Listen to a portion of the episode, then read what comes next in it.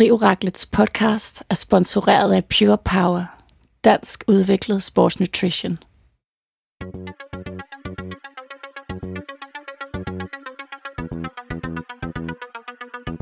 It's interesting. Uh, I think it's uh, it's probably the first time we really had like smack talk and stuff like that going on in this sport. He's definitely been more successful here. I mean, in Hawaii, but I've beaten him up many times, and he knows that. When all the people aren't around him, patting him on the back, and he looks at himself in the mirror at night when there's no one else, he knows I'm the real deal. Some people talk and they never won Ironman in Hawaii, so I could talk. I won twice.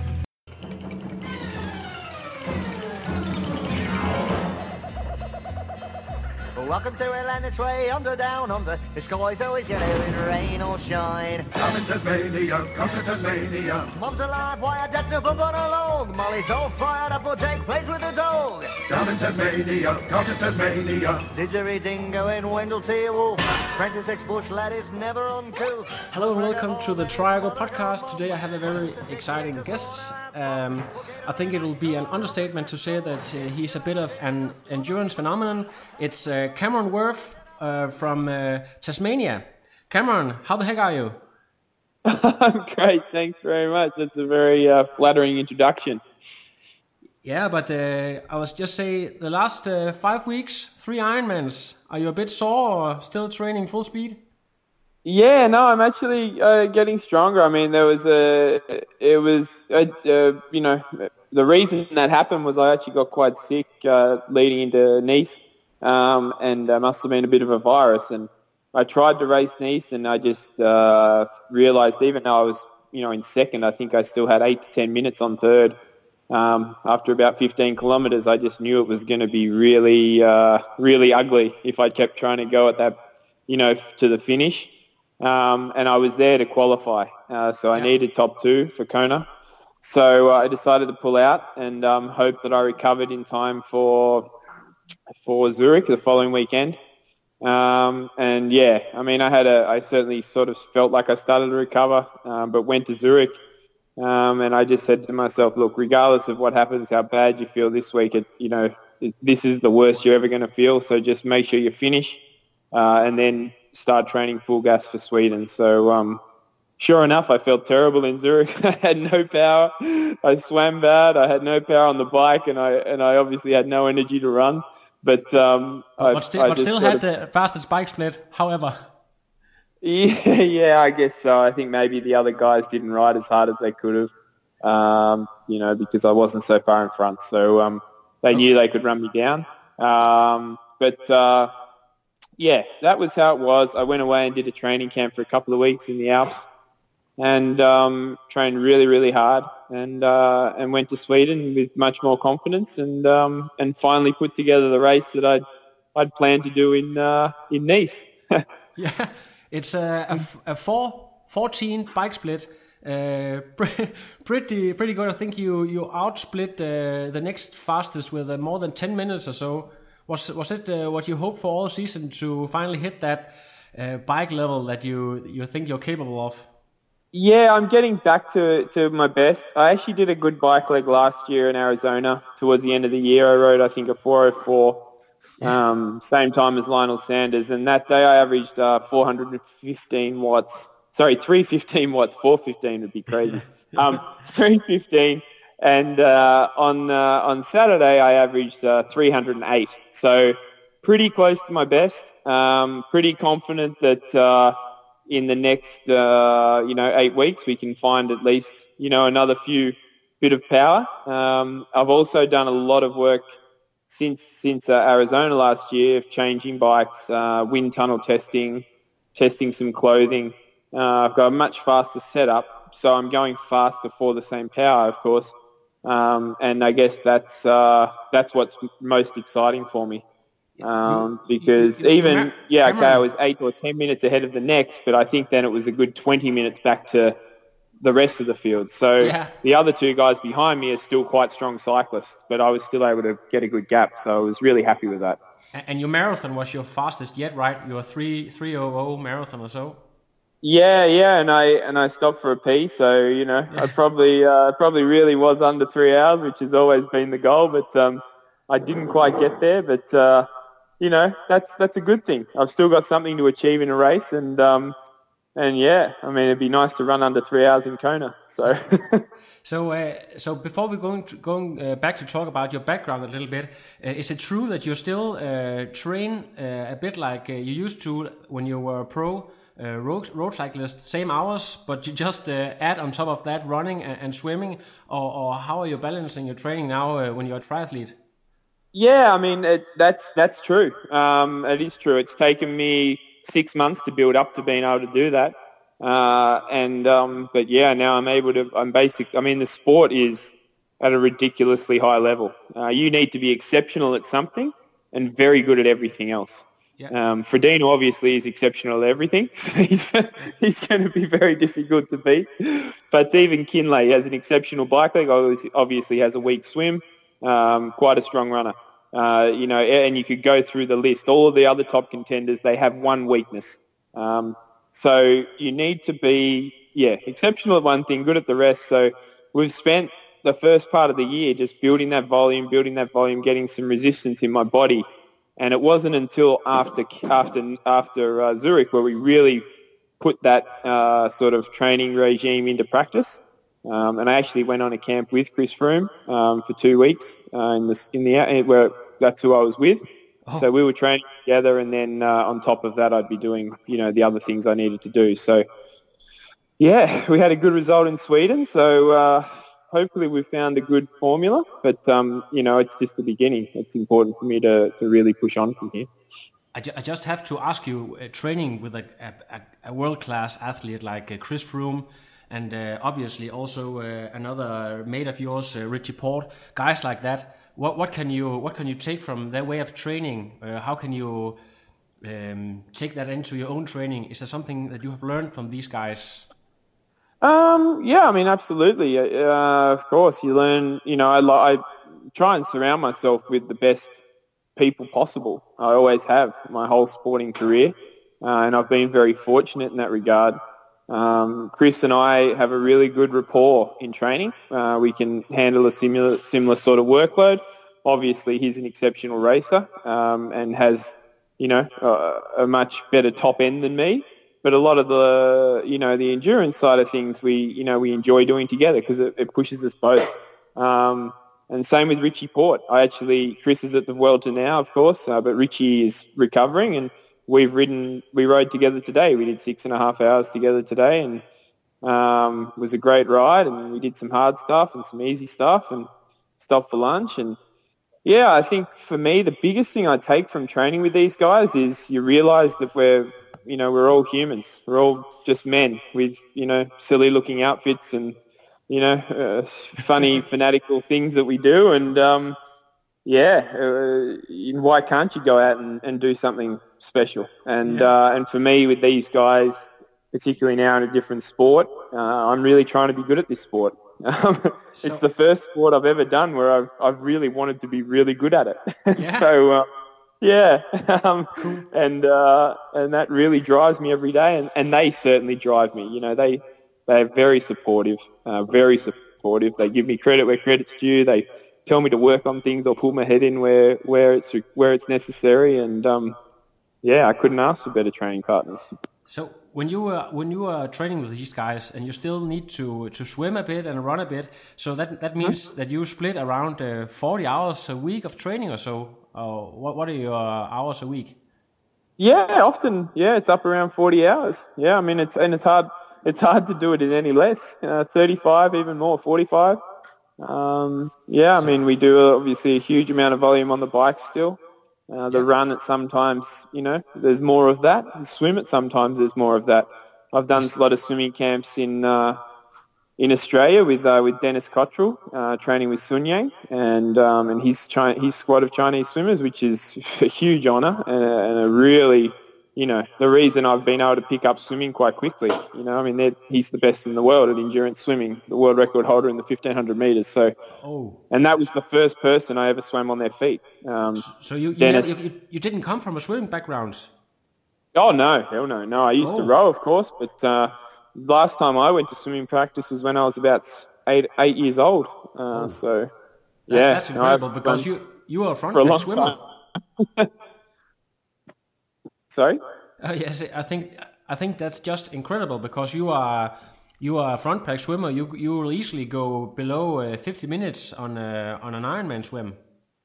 Yeah, yeah. I mean, I've worked really hard at that, and um, you know, in training with Sun Yang and learning to swim on his feet, uh, Dennis really pushed me, and you know, I learnt that you know he can swim 50 meters in 22 seconds. So when he's doing a, a solid 50 meters, you know, he's around 25, 24 seconds, and you know, Dennis would make me wait for him and then push off when he'd be finishing a 200, and when he's around that sort of endurance pace, and I'd have to stay on his feet and my fastest 50 meters. I mean, I, I've just I've broken 30 seconds, I think, once in training, and uh, so you know, all of a sudden, just by being in the draft, you're five seconds faster. So mentally, you're like, wow, if I can get myself, if I can make myself suffer to stay here, I'm going to go so much faster. so mentally, when I get to a race, I just want to be there with the fastest guys and be as close to the front as I possibly can. Uh, and I know I'm going to finish the swim as quickly as I can. And really, that's my um, that's my focus. That's just incredible. So you you were uh, you were uh, um, under 23 uh, world champion at uh, at rowing in a lightweight division. Uh, Yeah. Double double sculler, I believe. Uh, double scull. I was the four, lightweight four. Oh, okay, sorry. And uh, Yeah. you went to the Olympics, but what happened after that? Why did you uh, leave uh, rowing? Um, so I did rowing for two more years, and the the second year, uh, to be honest, I never really enjoyed rowing. Um, I, as a kid at school, I really wanted to go to the Olympics. Uh, I was desperate to go to the Olympics, and rowing was one of the sports I did at school, and um, the one that I was the best chance of going to the Olympics. So I persisted with rowing uh, to that point, did what I had to do to make it, and um, found it really hard to motivate myself to go on from there. Uh, and I really had a passion for bike riding. Um, Okay. And I really dreamed about racing, watching Lance Armstrong on the TV, you know, his fights with Ivan Basso at the time, Jan Ullrich. I mean, they were my, they were my sporting heroes. Yeah. Uh, and I was training in Varese uh, with the national rowing team in 2006. And I saw Basso preparing for the for the tour that year. He just won the Giro. He ended up obviously getting in trouble that year, but you know he was a big favourite to win. And I remember seeing him there, and I was just so in awe. I just couldn't believe this guy was on the same roads that I was, you know, going to training on. And um, you know, and it just put something in my head. I think I said something to my friends, and they said, "Yeah, you should change sports." And I thought, that's a good idea. That's a really good idea. So, sure enough, after the World Championships that year, we came fourth, which was really disappointing. Um, we, you know, we were a good chance of of winning, and um, you know, and I perhaps let the crew down a little bit that day, and you know, I, I realised I didn't probably really want the rowing, and and cycling was something that I was really passionate about, and so um, yeah, I thought I'd have a bit of a go at that. And, yeah, within two years or three years, I was um, I was teammates with Ivan Basso, so it was a bit of a bit of an amazing journey. That that's just uh, very very cool. But um, I, before we we leave all the rowing talk, uh, some people told me that if you have tried to row on a high level, you'll you'll Yeah. never ever consider any other sport uh, tough or hard. Is that true? You have been in three different sports. Is rowing the hardest of all three? Uh, uh, yeah, I mean, you you certainly tend to be able to push yourself extremely hard in a rowing race because it's your entire body that suffers. Um, and it's a, I mean, it's a phenomenal sport like that. It requires a huge amount from you. Um, cycling, however, I mean, it's a, it's a professional sport. So the level with money and research and all that's behind it put that at a pretty amazing level too. Because, and the only reason I say that is when I've then gone back to the rowing, I actually did some rowing machine tests uh, last year. I was actually thinking about going back for another Olympics. Um, and I was stronger on the rowing machine, having not touched it for seven years, than I was when I was rowing. Uh, so, which, you know, would indicate potentially that maybe I just got stronger, Yeah. but also I think maybe cycling taught me a, a different tolerance to suffering. Okay, So, yeah. um, yeah, rowing's, rowing's certainly a hard sport, but I, I think it's a bit, uh, yeah, I, I can't verify that one. I'm sorry. Okay. But you, the Danish, the Danish lightweight four is a phenomenal crew, and the level that they rode at, I never was at that level, so they Yeah. probably pushed themselves way harder than I ever did. So they'd be more qualified to answer that question. Yeah, I- Eskild and uh, the, the four guys, uh, the three other guys there, they're just legends in in, in Denmark. Yeah. So yeah, for As sure. they should be. I mean, Eskild was a role model for me as well, and okay. um, yeah, absolute phenomenal athlete. And, and I believe he rides his bike a lot now, so Yeah, uh, I'd actually, love to ride into, with him one uh, day he's into see if I can beat him at that. Never could beat him in a boat. oh, for sure, for sure. That will be a, a nice revenge. Uh, yeah. Yeah. Um, if I look at your uh, on your cycling results, I can see that back in 2009 you, you were fourth at the, the time trial uh, behind some very fast guys like uh, Richie again, and uh, I believe also um, oh I can't remember his name right now, but uh, a really solid result. yeah, probably Michael Rogers, Yeah, Adam Hansen, that's- those that's sort of one. guys. Exactly. Yeah, I was always very competitive in the time trial. I guess it's the closest thing to rowing. You know, you're in your own on your own, and um, yeah, I represented Australia a couple of times in the time trial. Unfortunately, I never did that well. Uh, the first time was was actually the first year in cycling. I actually uh, in 2006 I did the World Championships in Eton, so the Elite World Championships in rowing. Uh, and in 2007 I was in Stuttgart at the uh, Cycling World Championships. 12 months later and uh, I started 10th from the back. So I started in front of David Millar. And behind him was Dave Zabriskie and then fielded back until you got to, to Fabian Cancellara. Oh, And that was a pretty, uh, pretty surreal feeling. Um, but uh, it kind of rushed me into, into cycling. I had no choice to, but to continue from that point. Um, and they had a lot of belief in me, I guess. So, um, yeah, the time trial was certainly what, what put me in the window for, for professional cycling. Yeah, yeah, no, you bet. Uh, and, and then you, uh, of course, uh, some of the greatest thing you've done from a from an outside perspective is maybe that you rode the Giro twice, and you were also at the Vuelta España. But I can't help to wonder: do you do you ever regret that you never got to ride the Tour, which is like the pinnacle I- of the sport? It's a huge regret. Um, I was meant to ride it on quite a few occasions. Uh, one time I was training in Big Bear at altitude. I crashed and ended up with 50 stitches in my knee. Uh, another time I, you know, basically came down with uh, mononucleosis or glandular fever. Well, not basically, I did. another time just had a bad bronchial infection and they just couldn't put me in the race. So, um, yeah, that was really disappointing. Um, not much I could do about it you know, at the time, um, except in hindsight, should have looked after my body better leading into that. Uh, so who knows if the tour would have been the best race for me. I Yeah. believe it probably would have been, and um, but who knows? I've still got some uh, some years left of me for me in sport. There's a good yeah. There's a possibility you might see me at the tour one day. Yeah, we certainly hope so. And then, uh, then there was a movie. I can't say that I have seen it, but uh, it's called Thereabouts. Uh, the Yep. second one of them. You you were participating in that one. Can you tell a little Yep. bit about that? I think you were riding around uh, five or six hundred kilometers in two days or something like that. What what kind of an adventure was that, and how did you get into that uh, that movie? Yeah, well, I, I, I kind of, uh, 2014, I had a tough year cycling and, well, not so much. It was actually probably one of my most successful years cycling, but I, I just didn't really enjoy going to races anymore. Um, not that you're meant to enjoy always your job, but I loved riding my bike and I loved training and I'd get to the races and it, and it just didn't have the same spark. So at the end of the season, I was fortunate. I, I still had a contract to keep riding. Um, but I, I sort of indicated that I'd maybe like to not race and what would happen. And uh, Cannondale gave me an opportunity to, to they'd honour the contract and um, give me a year of uh, a sabbatical, they called it, a year off to figure out what I wanted to do.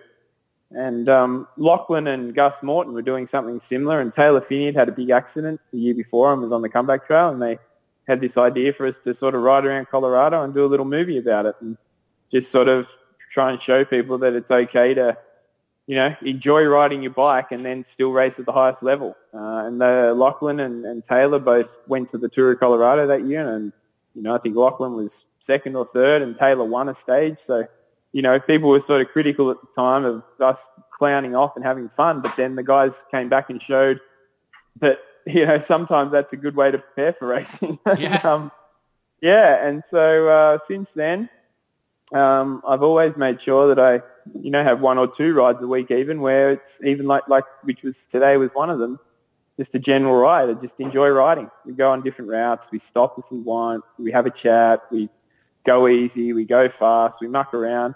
You know, we go and see different stuff, and uh, and that's really reignited my love for for for riding and um, and my desire to then go and race. You know, it doesn't seem like such a an arduous task anymore. I'm, I'm excited to go and race my bike. Cameron, do you think that's one of the things that that triathletes can learn from uh, from cyclists? Not always taking things way too serious, and maybe uh, kick back a little bit, relax, and uh, get some training while they're still enjoying themselves. Or or how do you see that?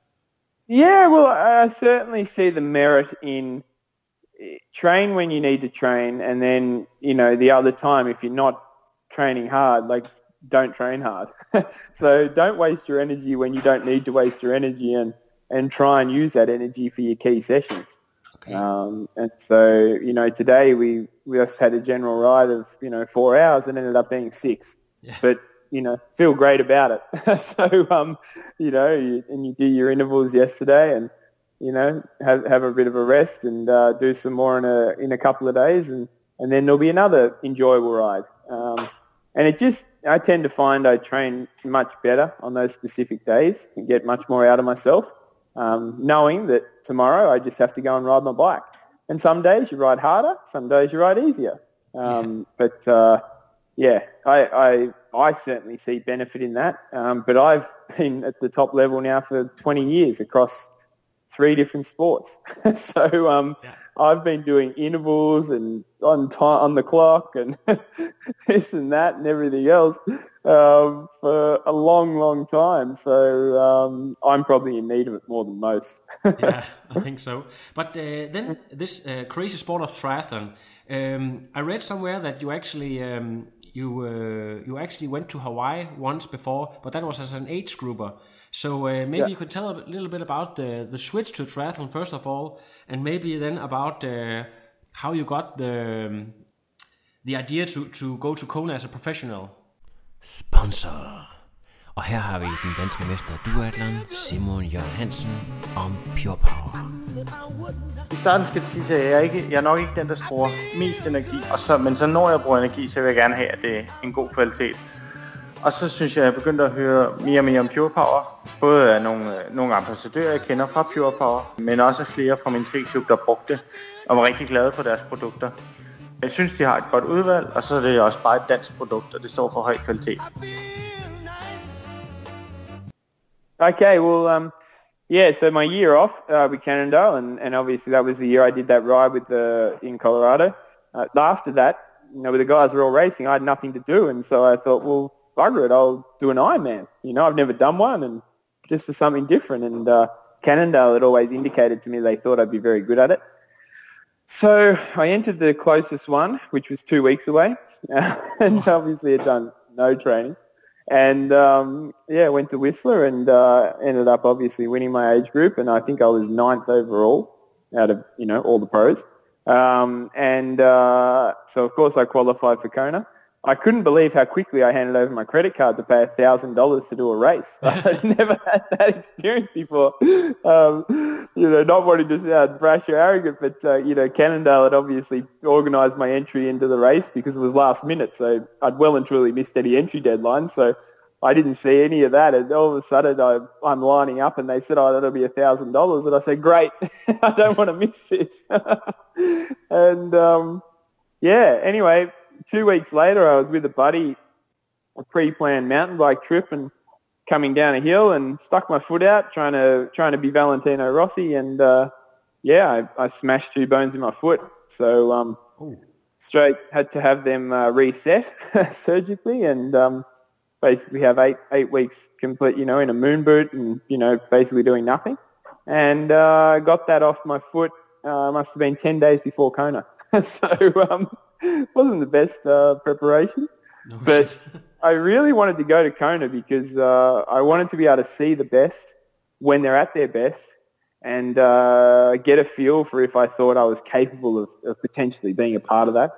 And um, I obviously had a, an okay swim, had a you know quite a good bike ride considering uh, I had one leg, um, and uh, and then yeah, I sort of shuffled through the run. And by the time I got out onto the Queen K, must have been about 5k or so down the road.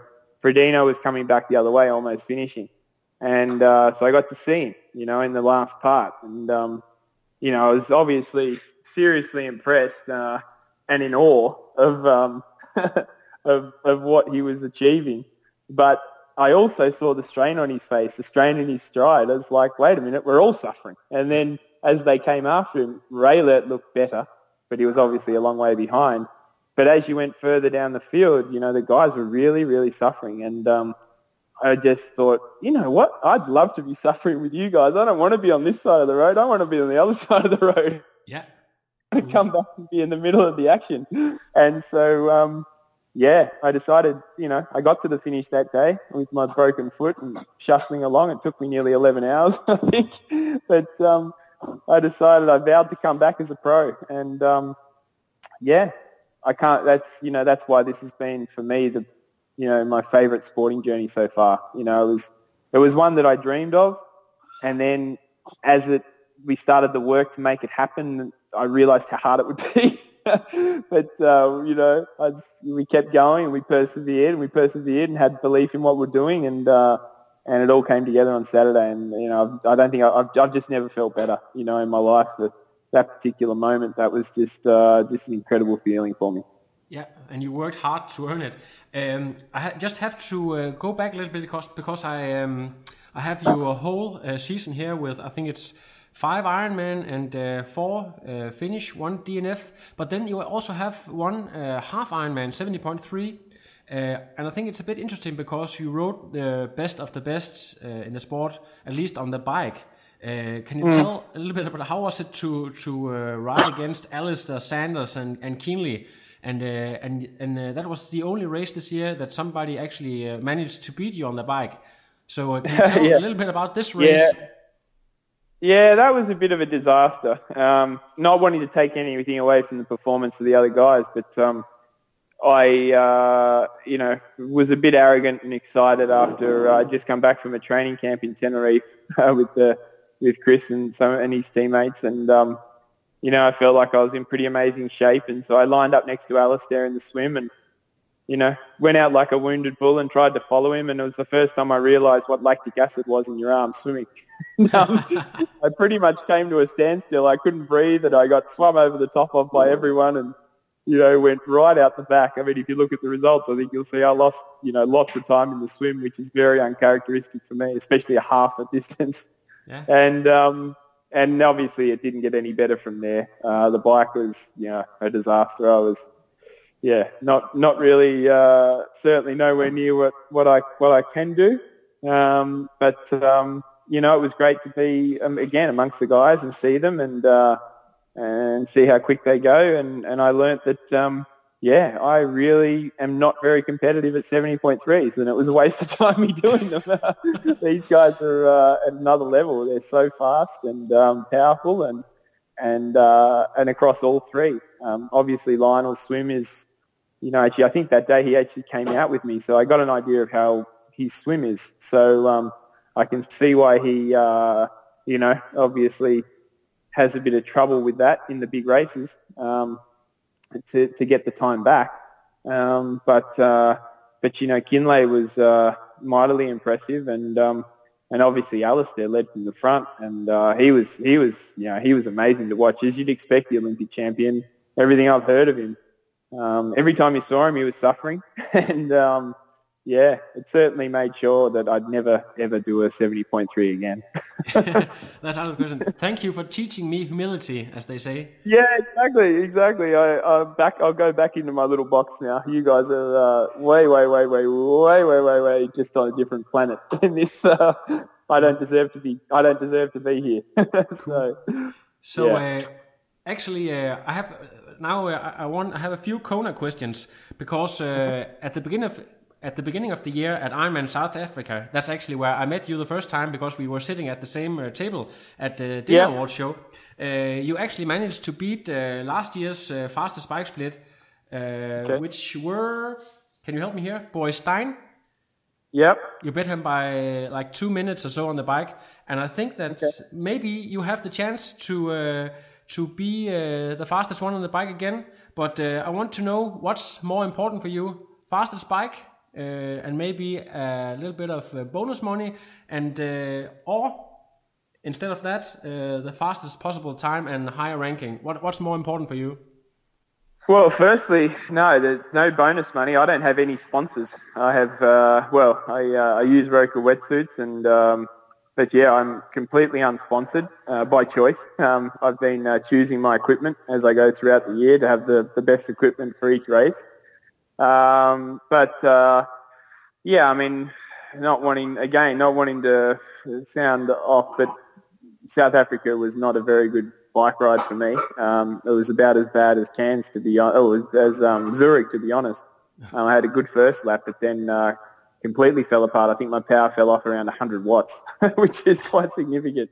Um, so um, yeah, uh, that's not really a gauge, but um, the yeah the fastest bike split is of zero interest to me in Kona, uh, zero.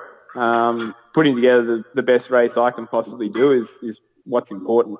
Uh, and uh, executing a bike leg that, you know, absolutely maximizes my ability, you know, my level and where we feel we're at. And we'll, we'll, we'll plan that and, uh, and decide on that. Um, that's, that's what'll be important. And if that's 430, it's 430. If it's 410, it's 410. If it's 415, it's 415.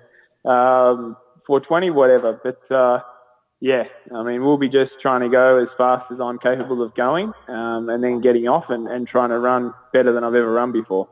Um, so, yeah, oh, it's a it's a triathlon. I'm uh, I'm certainly not one that's uh, got an ego about being the fastest on the bike. That's of uh, absolute zero zero zero importance to me. Sounds like a very, very good plan and a very smart decision. Uh, last of all, uh, because uh, this is a show for triathletes primarily, uh, and you uh, come from a cycling background, maybe you have uh, the best tip for everyone who wants to Im improve on the on the bike. Maybe something that triathletes can learn. Um, also, age groupers, you know, if you have a have a little bit of a tip here at the end of the show. Mm. Um. Whew, yeah, I mean, it's um. Or maybe favorite yeah. workout or something like that. yeah, I mean, it's not that I'm trying to hold anything back. I just, uh, I've always had the best coaches, and I just do what I'm told. Um, but uh, you know, as, as far as the tip goes, um, you know, the your bike fit, your bike fit, your positioning. If you can afford wind tunnel time, if you can afford a you know a really good biomechanics, um, you know there's you you train everyone trains hard. Everyone works hard. You know everyone puts in the hours in training. So everyone has the ability to be the best you know they can be. Um, so the equipment I've learnt this year with having free reign to choose what I want because I buy it has made a massive difference. Uh, you know I've been able to go quite a lot quicker than I ever thought was possible simply by changing bearings, getting wheels lined up properly, the right tyres, the right skin suit, the helmet that suits you, all these different things. Um, and, uh, the and so that that to me is uh, is probably the biggest tip I can give to, to triathletes because that's the biggest change I've made. My power hasn't changed. My power is exactly the same as it was when I finished riding in the world tour. And in fact, a little bit off. I'm about two percent off where I'm where I've been, but we're headed back towards that, which is which is exciting.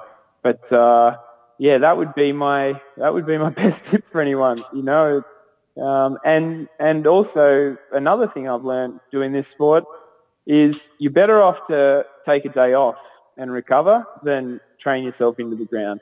You know, when you're sick, which I get sick a lot when I was racing the bike, you just go nowhere. You know, compared to your training, it's very depressing, very demoralising.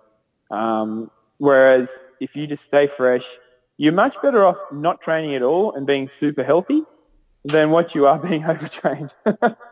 um, so yeah, there you go. There are my two tips. Oh, that's, um, that's great. That's just great. But uh, but uh, about this uh, free speed uh, talk, uh, this, did that also mean a, a, haircut for you, Cameron? Because you had quite a uh, characteristic, what do you call it, haircut last time I saw you. I don't know. right. That's not oh yeah, arrow, no. I've had a haircut since then, so Okay. um, yeah, I'm a little bit more aerodynamic, and I'll probably have to shave down even more before Kona. yeah, that's cool. Uh, Cameron, you said that you didn't have any sponsors, but is there anyone out there who needs a shout out when you have some free radio time on this podcast? No, no, there's not. Just everyone that supports me and uh, all the Ironman fans that uh, come to the races and uh, and cheer us on, and even the age group races that you're racing with that, that give you a clap when you go past. You know, it's it's thanks to you guys that um, that the events happen, um, and that's what that's that's a that's a big part of what keeps a smile on your face. You know, during the Ironman. I mean, it's not easy trying to race you know, around that eight hour mark and, and try and run around three hours. It's, it's a, it's a real challenge. So, um, any support that the community gives you along the way is very, very welcome. So that would be my only shout out to the, to the people that are involved with Ironman. Thank you for, for making such a wonderful sport. Cameron, I think you have the potential to be a real uh, crowd favorite. And uh, here from this podcast, uh, thank you for sharing all your tips and uh, your background story. And uh, good luck on Hawaii. And uh, we hope to uh, to see you in the very top of the race. Thanks very much. I appreciate you taking the time to talk to me. No, I am done. Another. But now it's, I'm done. I have no power.